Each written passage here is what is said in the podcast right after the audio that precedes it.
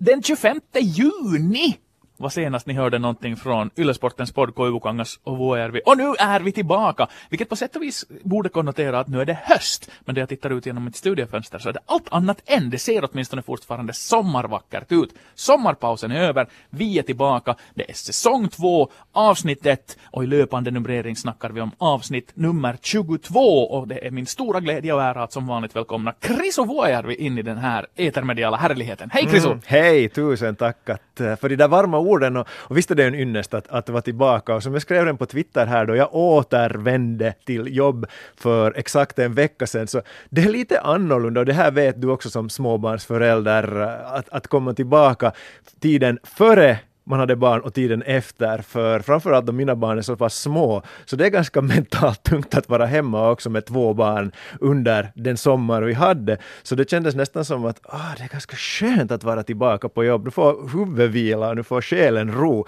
för en gångs skull. Så att, så att på den nivån är det för mig nu när jag är tillbaka på jobb. Ja, du har absolut rätt. Och så är det ju sist och slutligen. Jag menar, säg vad man vill om, om familjesemestrar och långa veckor i härliga solsken och, och, och badande, men, men, men man blir ju ibland lite galen. så då är det skönt att, att komma tillbaka på jobbet och, och gömma sig i en, en sval studio och titta ut på sommaren och konstatera att, att den kommunala dagvården och skol, skolan, det är, det är de som har hand om det, det unga liven just nu och det blir nog bra. Hej, äh, sist vi satt och pratade Christus så var vi mitt uppe i fotis-VM, mm. ett projekt som jag hoppade av äh, och tog semester från, som du rodde i hamn vad beträffar avslutningen. Mm. Äh, för mig var ju nog fotbolls-VM någonting av, av sommarens höjdpunkter. Ja, visst är det inte, så. inte den stora, inte kanske den största, men det var ju så jätteroligt med ja. fotis-VM en gång och sett hur det slutade också.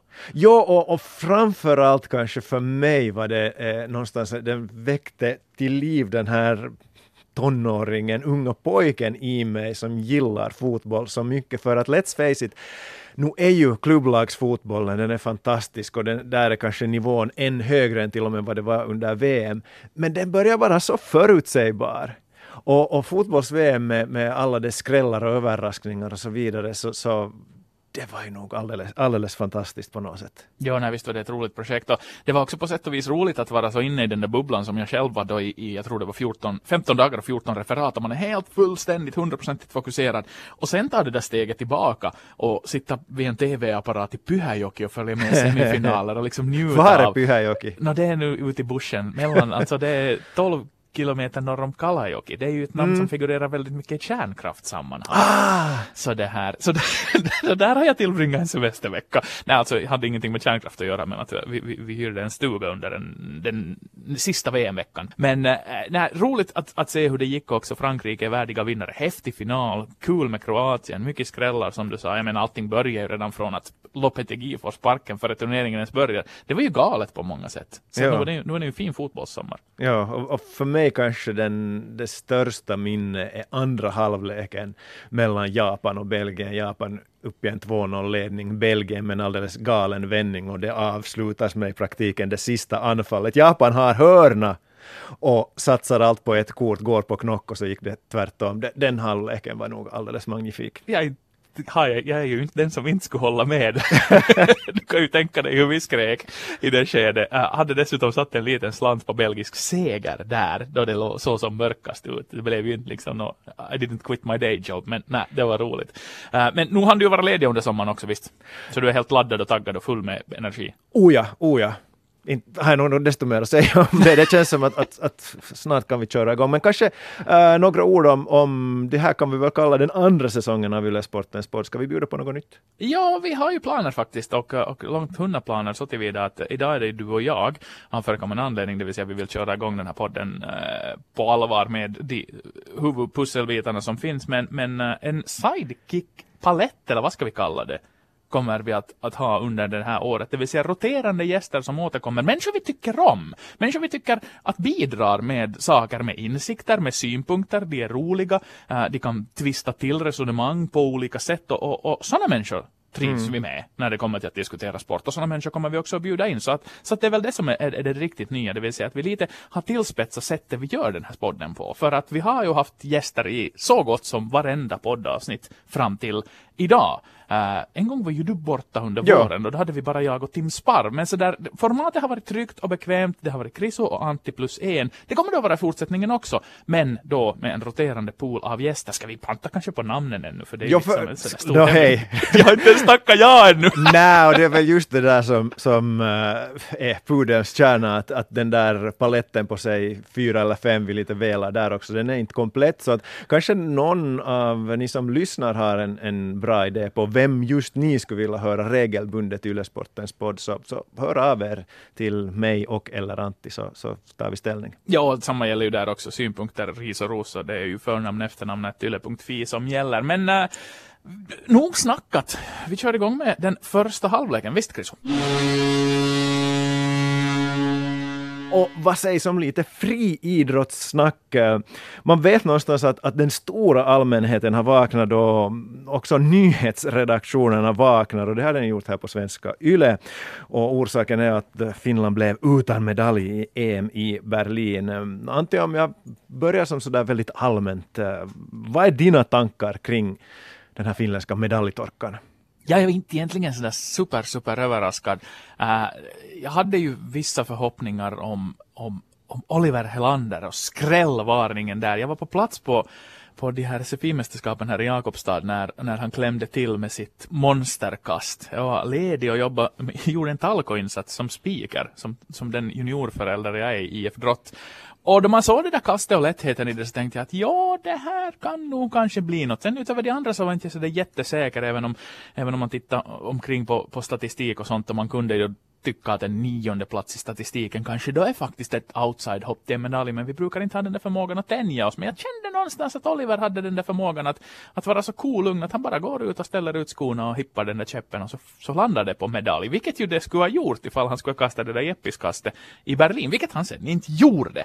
Men jag tycker Janne Isaksson sammanfattade det himla bra i sin kolumn där mot slutet av veckan i, i Berlin där han konstaterar att inte hade ju gått dåligt när 60 procent av finländarna har, har överträffat sin statistiska placering i fältet. Men, men medaljer är medaljer och det är de vi räknar det är det som är det historiska data vi kan jämföra med. Det är jättesvårt att gå in och titta på något EM på 80-talet och, och hitta årsstatistik och säga att nu överträffade finländarna sig där då på löpande man, för då kom det medaljer. Det är det sättet vi har lärt oss att mäta idrott på och det är det sättet som gäller och med de måttstickorna så är vi ju åt fanders just nu nivåmässigt, även om jag menar våra grannland går otroligt bra och där borde ju inte liksom grundförutsättningarna vara så hiskeligt annorlunda så att det, det har varit lite sådär jag försökte följa med de här höjdpunkterna där man visste att det var någonting på kommande, där det var en final på kommande, men känslan var varje gång att nej, det, det inte blir det här till något. Och jag menar fyra tusendelar för Nora Lotta Nesiri bort från den stora drömmen, vilket ju i hennes fall bara var en finalplats.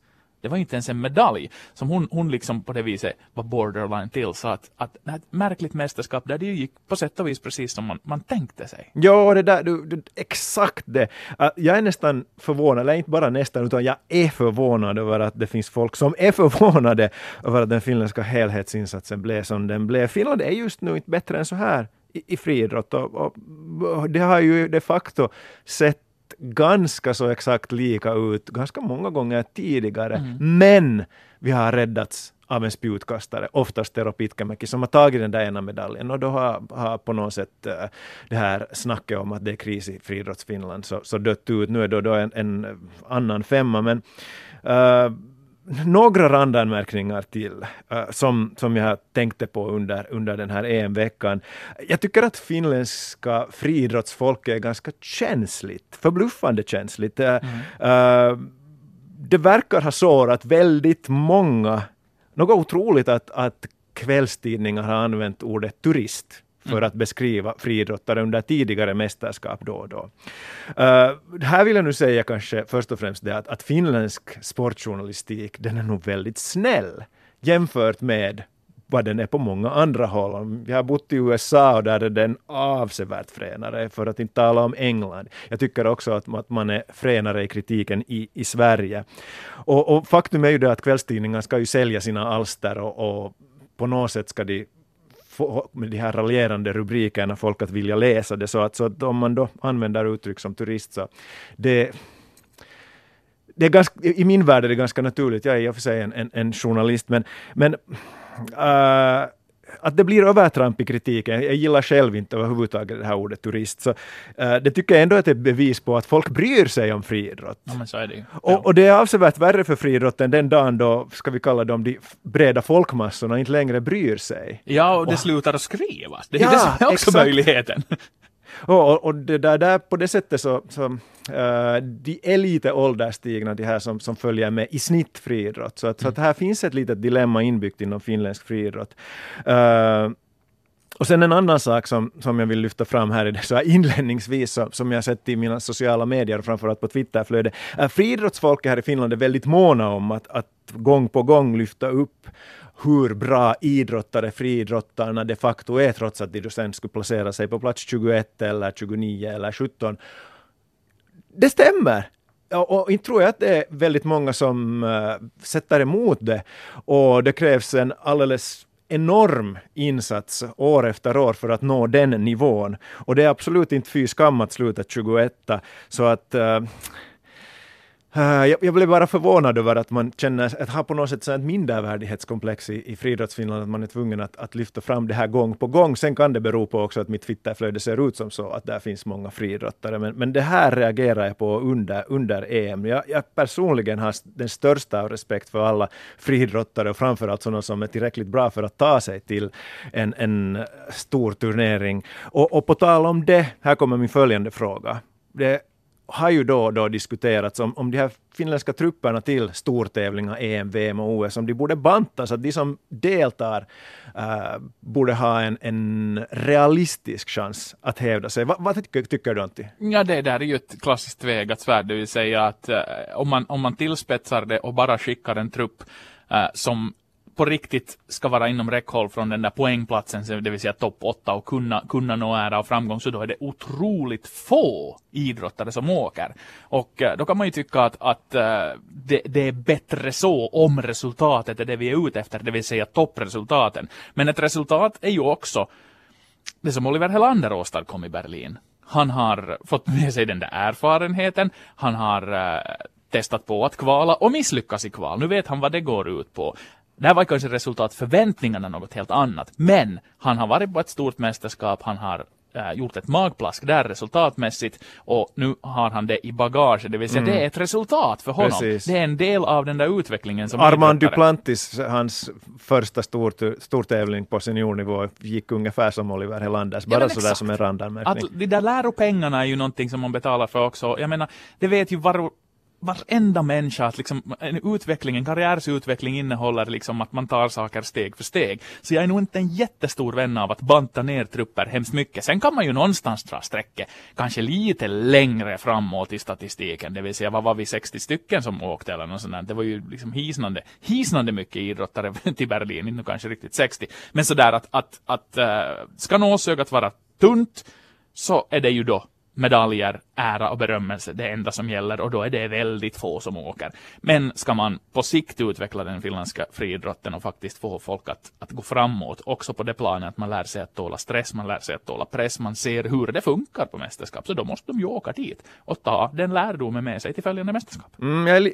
lite spola bandet bakåt. Det är en sak som jag reagerar på, vad du säger, eller som jag har en åsikt. Jag tycker att alla som har fixat kvalgränsen som enligt eh, Europeiska friidrottsförbundet eller internationella friidrottsförbundet eller IOK ska få åka till det här stora mästerskapet. Så de tycker att Finland ska skicka till det här mästerskapet. För finländsk friidrott tycker jag inte har råd att ta bort en sån här morot från, från de aktiva. Eh, det är det ena. Och för det andra så, så händer det ju då och då att eh, en idrottare, en total outsider, får in en, en makalös fullträff och överträffar alla förväntningar. Till exempel Janne Holmén 2002, EM-guld. Ingen hade egentligen väntat sig det och i en intervju här för några veckor sedan för, för Urheilusanomat sa ju Janne Holmén att om man skulle tillämpa vad det de svenska kriterierna så skulle han inte ens ha fått åka till den här, det här mm. Europamästerskapen. Ja. Men, men det, det händer ju inte ens varje gång, det behöver inte ens hända varje gång att, att någon idrottare överträffar sig sådär makalöst. Men händer det en gång på 20 år så är det värt att skicka alla. Det, det, det är min åsikt och jag tycker att, att finländsk friidrott så vinner på det att ha jo. stora trupper. Absolut, det roliga med att det där med att skicka så det är ju ett förbund som, som tar beslut och som står för fiolerna och ganska långt och där har det ju också varit väldigt mycket diskussion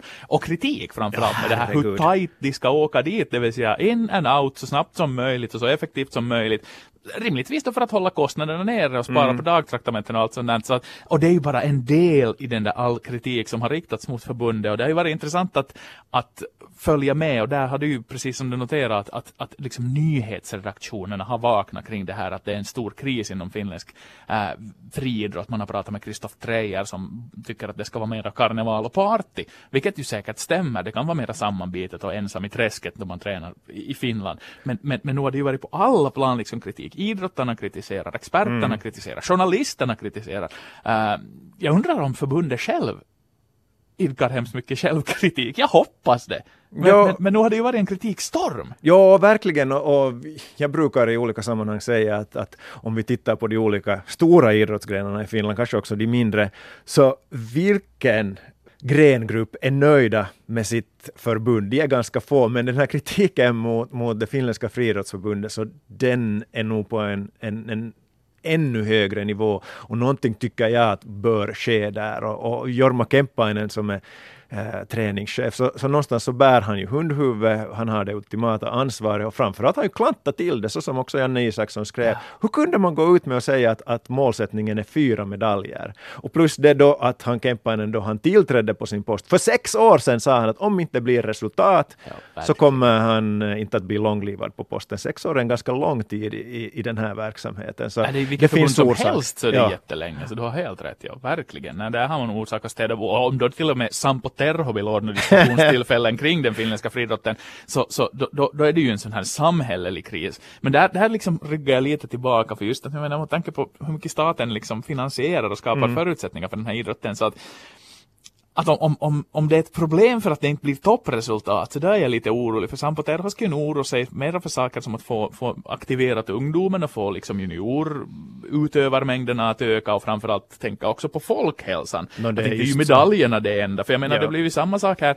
Man inte, sammankallar inte han fotbollsfolket, ja för där är det ju också kris. Inte har vi något mästerskap på här sidan där någonsin heller. Hade inte han en runda bordsdiskussion Det där har gått mig förbi men, men han är ju en, en sann populist, Sampo ja, Terho, så att man vet i, i vilka strängar man ska slå på. Så att. Går det dåligt i skidspåren nu i vinter så är det mm -hmm. nog sen i mars så är det nog en rundabordsdiskussion med skidfolket. Vad ska vi göra för att nå framgång? I och för sig där brukar det ju bli lite bättre framgång åtminstone. Men där också, precis som du sa med den här friidrotten, lite mera ålderstigen publik, äh, lite mera traditioner av att ja men Finland ska ju klara sig i friidrott och vi ska ju framförallt sopa svensken och sopar inte vi svensken så ska nog åtminstone svensken misslyckas.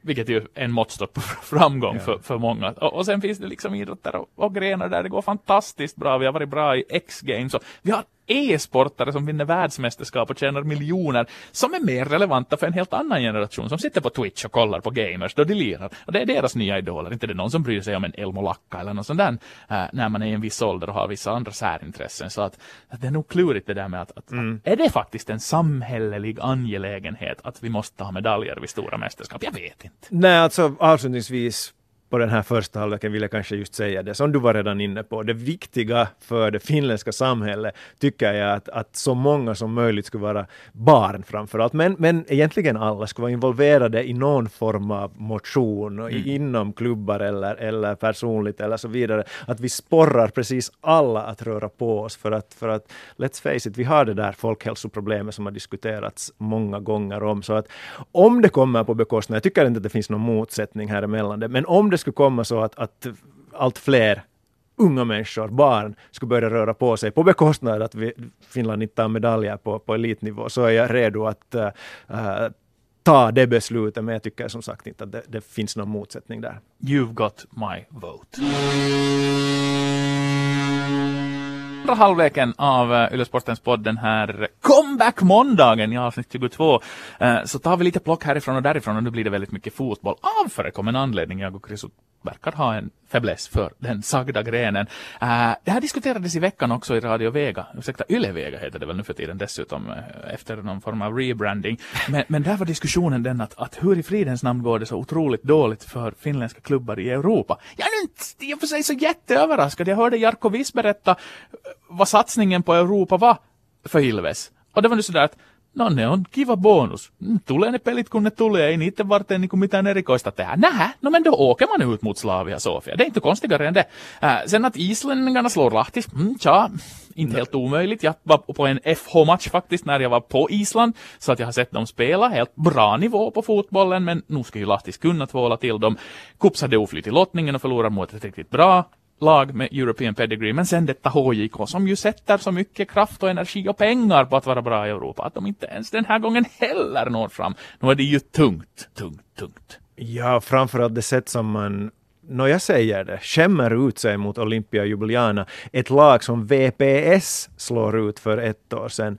Så jag undrar hur man resonerar, hur Aki Rihilahti, HIKs VD, tänker just nu, med tanke på det som också kom fram igår, att det är fnurra på tråden mellan Mika Lehkosua, chefstränaren och en av stjärnspelarna, Moshtag Jagubi och Mika Lehkosua har hamnat i, i gräl med en annan stjärnspelare, Filip Valencic. Och sen så torskar man så där stort mot slovenskt motstånd som inte borde vara, Nej, vara omöjligt. Att jag, jag håller ganska långt med det vad Saku-Pekka Sundelin skrev i en, en kolumn i Ilta-Sanomat förra veckan, att, att HIK bör fundera på sin strategi nu. Man, man värvar hyfsat stora namn både så där från utlandet och också så här från, från finländska konkurrenter som spelare som Pirinen, Ville Jalasto återvänder hem och så vidare. Men de egna juniorerna då? HIK har skulle jag våga påstå en av Finlands bästa, eller det, det, det är väl beyond reasonable doubt, men kanske ja, till, du, kanske till, och med, kanske till och med Finlands, Finlands bästa juniorproduktion. Men, men hur många HIK-juniorer har slagit igenom? de senaste åren. Ganska få. Sebastian Dahlström är den enda jag tänker på som, som verkligen har, har kommit in med buller och bång.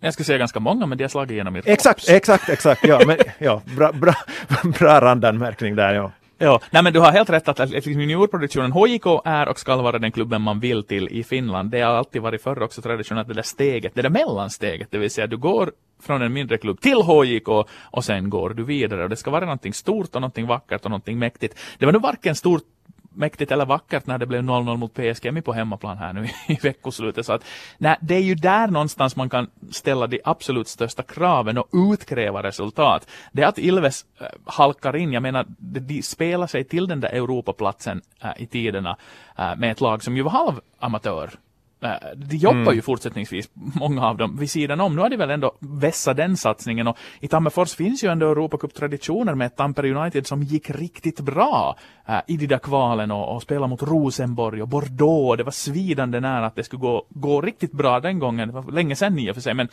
men, men så att det var kanske inte riktigt Ilves, Lahti och Kups som skulle ta sig ut i Europa den här säsongen. De har förtjänat sin chans, de har förtjänat sitt försök att nå dit, precis som VPS gjorde då året innan med Olympia och så vidare. Men det är HIK där var bevisbördan finns. Det är de som måste prestera och det har de inte gjort. Och det, jag tror nog precis som du säger, så att, att en, en som faktiskt idag kom på jobb med väldigt, väldigt mycket mail att ta itu med och väldigt många frågetecken att reta ut, det var nog definitivt Aki Rihlahti för HIK. Man kan ju spela med HIK i Fifa! Herregud, mm. det är en måttstock på att en klubb är någonstans. I och för sig har de säkert spettat för det själv. Men liksom sådär att, att det, här är en, en, det här ska vara ett flaggskepp för finländsk fotboll i Europa. Vi har inte varit där på många, långa år nu. Mm. Och HIK tycker jag har gjort jättemycket rätt de senaste säg fem, sex, sju åren. Eh, de har anställt rätt personer, till exempel den här Sari som är, är marknadsförare. Så, så HIKs image, åtminstone här i Helsingfors, har, ha breda, tycker jag, till exempel Jokerit. Och, och man ser HIK i, i olika sammanhang på ett positivt sätt. Men vänder trenden nu för att uh, det finns så mycket fnurror på tråden och det är mycket som, som inte egentligen känns sådär jättefräscht längre. Så, så de är i ett knep, knepigt läge nu. Ja, men där är ju egentligen det är lite samma diskussion som i, i friidrottsdiskussionen där att vad är HJKs uppgift? Och de har ju två. Mm. Det vill säga de, de ska vara resultatmässigt det finländska fotbollens flaggskepp, men de har gjort så, precis som du säger, sjukt bra saker. De har skapat fonder för att stödja mindre bemedlade barn för att kunna idrotta vidare. De har byggt träningshallar och de satsar jättemycket på juniorutveckling. De har en armé av folk engagerade och från väldigt ung ålder börjar de liksom åka utomlands och spela internationella toppturneringar med sina juniorlag. Så att man måste komma ihåg det att någonstans där bakom Lehkosuos uh, failande mot Olympia så, så längre ner i den där julgranen så hände det så otroligt mycket bra saker så att någonstans på sikt skulle man kunna tycka att, att det finns en ljus framtid men då, jag menar, du är bara så bra som ditt senaste resultat och 0-0 mot PSG och innan det är 1-4 hemma mot Olympia så jag menar that's it, that's mm. the bottom line. Men HJK får ju kanske spela matcher i Ekenäs nästa säsong. Ja, alltså det är nog någonstans för mig den stora storyn den här inhemska fotbollssäsongen, det här fotbollsåret. Uh, vi hade Affe Strömberg från Yle Sporten på plats och intervjuade Ekenäs spelare, tränare här i veckan och, och lyssnade nitiskt igenom de där intervjuerna. Och, och, jag blev en som tror på Ekenäs IF, inte minst efter att man tvålade till, i och för sig, tabelljumbon Klubbi 04 äh, eh, igår kväll hemma i Ekenäs. Men vi ska komma ihåg, tycker jag, i sammanhanget, att Ekenäs IF har levt på sin defensiv och bara förlorat en enda match och sen krigat sig till segrar, håll matcher mm, målfattiga och tagit oavgjorda resultat. Men, men nu totalt målfyrverkeri, besegra Klubb 04 som Johannes Lander i den här intervjun med, med Affe Strömberg sa att det här blir en, en, en värdemätare Ekenäs mm. enligt hans utsago, Estlanders utsago, så haft problem då det inte längre är underdog. Men nu visar man att man också har den här växeln att komma med. Åh, oh, Ekenäs IF i fotbollsligan, nio omgångar återstår, men, men det ser så oerhört intressant ut nu. Ja, det gör ju det. Jag minns jag var på uh, division 1 mediedagen, seriens öppningsmediedag i Vanda på ett hotell och, och, och, då pratade jag, jag minns det var så, så märkligt för att jag tänkte, ja, Ekenäs killar, vi ska se vad de har att resonera sig kring. Och vem jag mötte där var den här, hette han Jacob Bouchou, den här amerikanska ytterbacken. Och så den här väldigt yr och förbryllad och i det sammanhanget väldigt bortkommen tränare Gabriel mm. Garcia Xatart. Och, och, jag fick nog det intrycket liksom sådär att dels att sådär med Ekenäs IF, hur tänkte man där att man skickar en jänkare och en splitterny tränare som ju var så obekväm i, då de ordnade sådana här lekar att tränarna skulle svara på några frågor och visa rött kort eller grönt kort åt någonting oh. som programledaren ställde. Och han hade då fått dessutom fel frågekoncept så att när, när programledaren för den här showen som ju nog inte egentligen någon var intresserade av ställde en fråga så hade han fel fråga i sitt koncept och det blev liksom bara, det blev pinsamt och det blev dåligt. När jag sen pratade med honom i en individuell intervju så kändes han ju väldigt gedigen. Sjukt sjukt ung. Mm. Men, men, men gedigen och, och han, han verkar nog ha liksom på klart vad han ville åstadkomma. Och, och det har ju nog gått spelmässigt så fantastiskt bra så att det är ju så fascinerande att, att och nu ska jag inte ens säga lilla Ekenäs. Ekenäs, jo, själva Ekenäs är ju litet men den ekonomiska regionen och närheten till huvudstadsregionen och allting gör ju att det, det är ju inte, inte helt omöjligt att, att lyckas med de förutsättningar som Ekenäs IF har just nu. Klart att, jag menar det, att spela ligafotboll på centrumplan kräver ju dispens. Du kan ju egentligen göra det, men kan ju rimligtvis få göra det under ett år där det börjar ske saker. Men, men som du säger, nio omgångar kvar och det, och går som tåget. Det är ju helt vansinnigt. Jo, jag tycker att det är så härligt och, och för att uh, någonstans är ju ändå den finländska lagidrottens flagg, flaggskepp eh, ishockeyligan. Men tänk här, Ekenäs IF till ligan i den finländska fotbollens finrum. Ja. Och, och det må sen, om, om så sker, och det må kanske vara slut på ett år, men de har varit där. Och ja. Tänk vilka minnen, och, och, från vem är det bort? Vilket ja, jag tycker nej, att alltid finns ett, ett eh, snack i då man talar om ishockeyligan, att nej, det, det, det, det, här, det här går nog inte. Men, men Ismo Lehkonen, från, som var länge tränare för Toto, hade just den här tesen, att, att från vem är det bort om, om Hermes eller Toto eller Leki skulle spela en säsong i ishockeyligan? Det, mm. det ett fascinerande äh, tillägg i, i den ligan i så fall. Men, men en sak till om Ekenäs IF. Uh, äh, mm. Ekonomin, du säger att, att regionen är lite större, men jag tycker att där finns en, en skön rivalitet mellan BK och Ekenäs IF, vilket tyder på, eller i mina papper betyder det det, att Karisborna inte stöder Ekenäs IF. Tvärtom. Precis. Och så det minskar det här ekonomiska området till egentligen då Ekenäs som ju då Ja, har sina, sant. sina 10 000 invånare. Så, och, och här i början på augusti läste jag en intervju på våra webbsidor, eller var det Yle Västnylands webbsidor, att, att EIFs manager Peter Haglund han efterlyser en fotbollsfe, eller en mecenat som ska exakt. komma och Ja. skjuta in pengar Ja. till, till den här fotbollsverksamheten, representationslaget. Och då börjar nog varningsklockorna ringa för mig för att eh, om verksamheten är på den nivån att man drömmer om en, en mecenat så det är inte en långsiktig lösning. Nej, det är det ju inte. Vi har ju ett exempel i Österbotten där vi har en klubb som har en mecenat, det vill säga en man Mm. som faktiskt med sina egna medel ser till att det finns förutsättningar, egentligen till vad som helst. De slåss fortfarande om avancemang, KPV. Och då har vi till exempel Jarro i grannstaden då som, som har just de där motsatta förutsättningarna. De skulle säkert jättegärna ta en mecenat. För de krigar också på en, en jämförbara förutsättningar med Ekenäs IF, det vill säga en, en, en, en liten ort eh, med fina traditioner, men, men just nu bara det. För det har ju gått åt skogen. Varför? För, för, för, Fjärran. Varför? Det- tränarrekryteringen misslyckades nog och, och eh, det har inte någon... De, de börjar ju dessutom bra. Ja. Men läser man till exempel ÖT och, och, och Sören Bäck så vet man ju att, att i något skede bara så tappade han omklädningsrummet, spelare har velat vara på väg bort därifrån, vissa har varit o, eh, liksom inte tillfreds med den roll de har fått. Och sen har man bara värva och värva och värva mera spelare. Och sen, ja, olyckliga skador på nyckelspelare. Du har tappat Brunell, du har tappat Milosavljevic, du har tappat Emil Öberg äh, i målet. Eh, och en sån där eskalerande spiral då som ledde bland annat till, till vad det nu, fem raka förluster. Det var en poäng på fem matcher i där bland annat inräknat 0-3 förlust på hemmaplan mot stabila Ekenäs IF. Så, så då, då fattar man beslutet att sparka tränaren och det gjorde man efter att man hade haft 452 personer på en hemmamatch. Det är all time low, I shit you not och jag har varit på ganska många. Och jag såg det med mina egna ögon för jag kunde räkna folk på solläktaren och konstatera att "Nå, där var nu 38.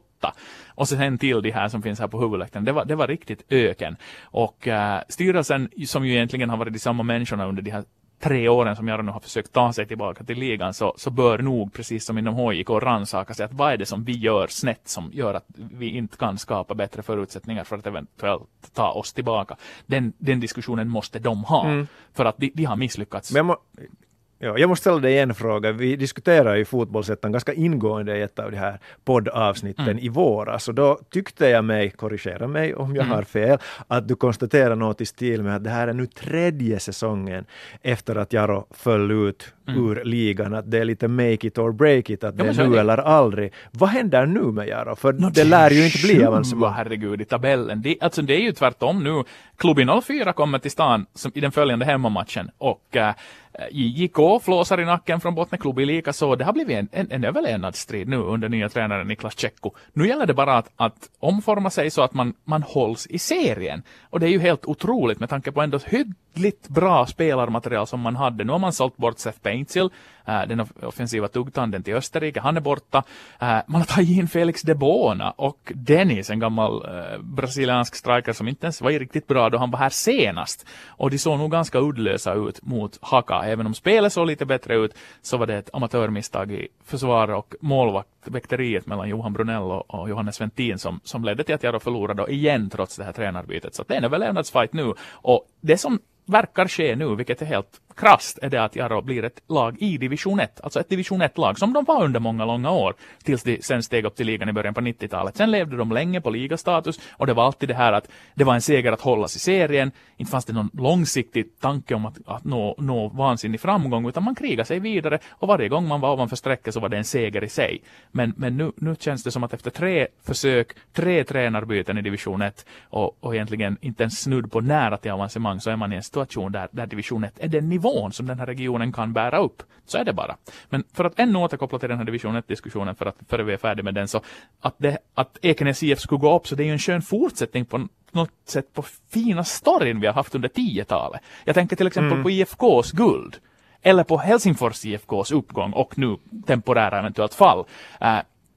Det vill säga liksom sådana engagerande fenomen som, som, som folk brinner för och som tycker är roliga. För att jag menar, du har de här stabila sakerna som finns där i toppen. Eh, uh, det, de är liksom, det finns vissa saker som är permanenta inom finsk fotboll. Men just Ekenäs IF på visit, hur lång den än må vara, upp i ligan, uh, välkomnar jag med öppna armar.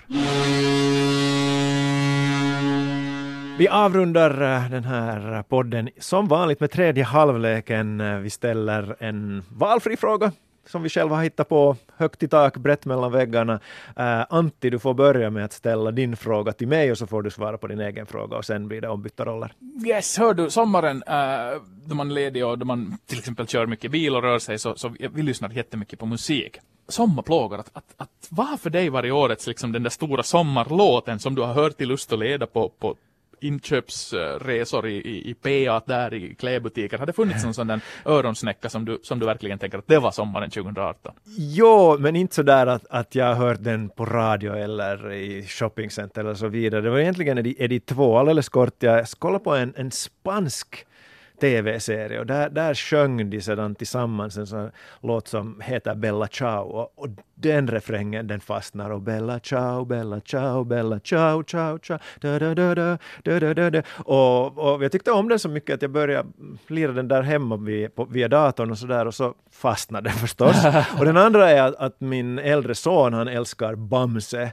Ja. och han har sådana ljudböcker. Och där var det en av de här ljudböckerna som handlar om Bamse och som har de här sjörövarna som motståndare. Där finns en Den sån här... är grymt bra. Ja, Då Bamse tar en, tar en... Buster sjörövare, en hemsk pirat, ingen snäll kamrat och den kan Morris så utan till och den sjungs. kan den ganska bra du också. blir, ja, den blev fullständigt i, i huvudet på oss alla. Eh, Lite otippade, men bra låtar.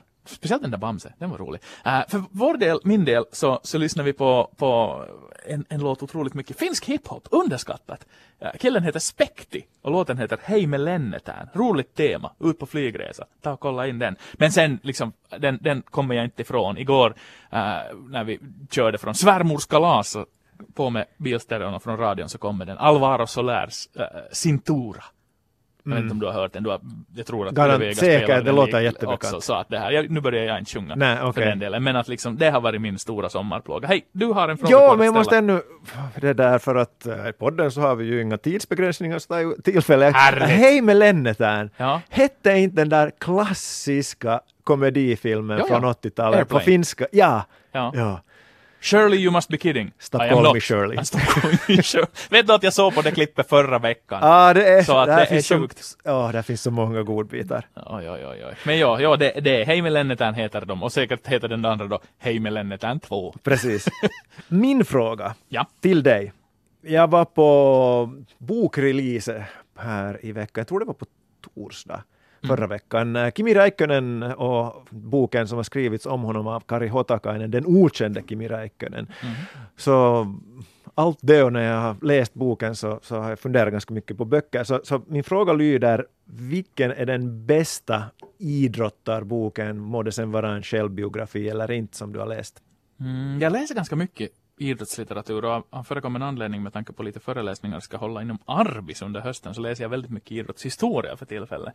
Eh, så det blir en del. Eh, för här nu eftersom podden är fullständigt obegränsad i tid så börjar jag med att berätta vilken bok jag läser just nu för den är så sjukt bra. Barbro Alving, svensk journalist Bang kallad i tiderna, eh, skrev dagbok när hon var på Berlin-OS 1936. Åh. Sjukt fascinerande läsning. Den håller jag på med för tillfället, men det hör inte hit. Eh, den favorit idrottsboken alla kategorier måste ändå vara för mig Andy Duggans Dödsmatchen. Som handlar om, om den här fotbollsmatchen i, i Kiev mellan lokalbefolkningen och, och de nazistiska belägrarna. En sån här otroligt laddad match. Alltså, Dynamo Kiev var ju fantastiskt, fantastiskt bra uh, före krigsutbrottet. Uh, och uh, det blev sen en match där var det stod väldigt mycket på spel och, och när det gick väldigt bra för, för det ukrainska laget trots att det var, en, det var en horribel tid i staden med, med massmord och, och deporteringar. Och, och det är helt obehaglig men bra läsning för, för alla som, som är intresserade av den epoken. Så Dödsmatchen, Andy Duggan, det, det, det är min favorit. Du då? Är det Kimi Räikkönen? Den ökände? Nej, Nej, det det okände Kimi Räikkönen. Men det är väl nästan samma sak? Nästan samma sak. Uh, Kimi Räikkönen-boken är helt okej. Till Hur och med nästan bra. Uh, tre och en halv. He- Läsvärd.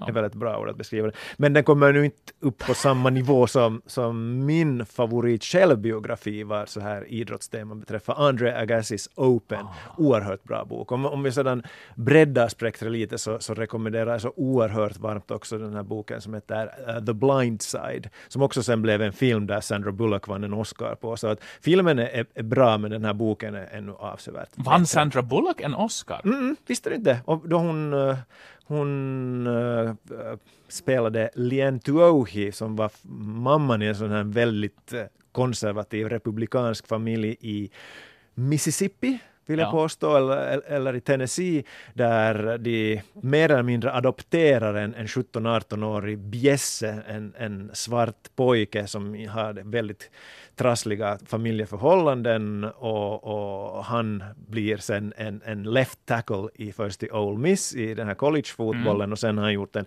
väldigt lång karriär i, i NFL också. Men det, men det är framförallt en, en varm historia om, om, om det goda i mänskligheten och, och sen också för mig som är intresserad av NFL också ja. en fascinerande sådär parallellstory i hur, hur de här olika positionerna har utvecklats och vilka som har blivit viktigare och just den här left tackle, han som ska skydda quarterbacken, Eh, eh, den näst eh, dyraste spelarpositionen som finns i NFL och det, det beskrivs väldigt intressant i den här boken, så att, så att rekommenderar att läsa den, även om ni skulle ha sett filmen. Fascinerande, men det sjuka är att bara i veckan, förra veckan, så kom vi in på att diskutera Sandra Bullock och konstatera att hon, hon gjorde en massa skitfilmer. Att oh ja, äntligen, Miss Congeniality. ja, ja, och äntligen är hon ju bara känd för speed. Men att sen dess har det inte blivit någonting av henne. Men nu får jag och kollegan från marknadsföringen Daniel Nylund krypa hårt i korset ja. med knäna blödande.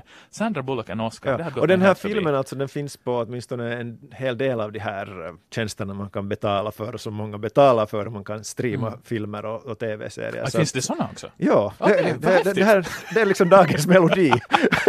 Så där som att streama den här podden. Ungefär ja. ja. www. Nej, http kolon snedstreck snedstreck www. någonting. Och så vidare. Nej, nu börjar det här spåra ur. Vi, no vi, hörs, vi hörs igen om, om en vecka. Ylesportens podd med undertecknad Krisu Vuojärvi och Antti Koivukangas. Ni hittar den på arenan, på Spotify och på iTunes. Som sagt, ha det bra. Vi hörs nästa vecka.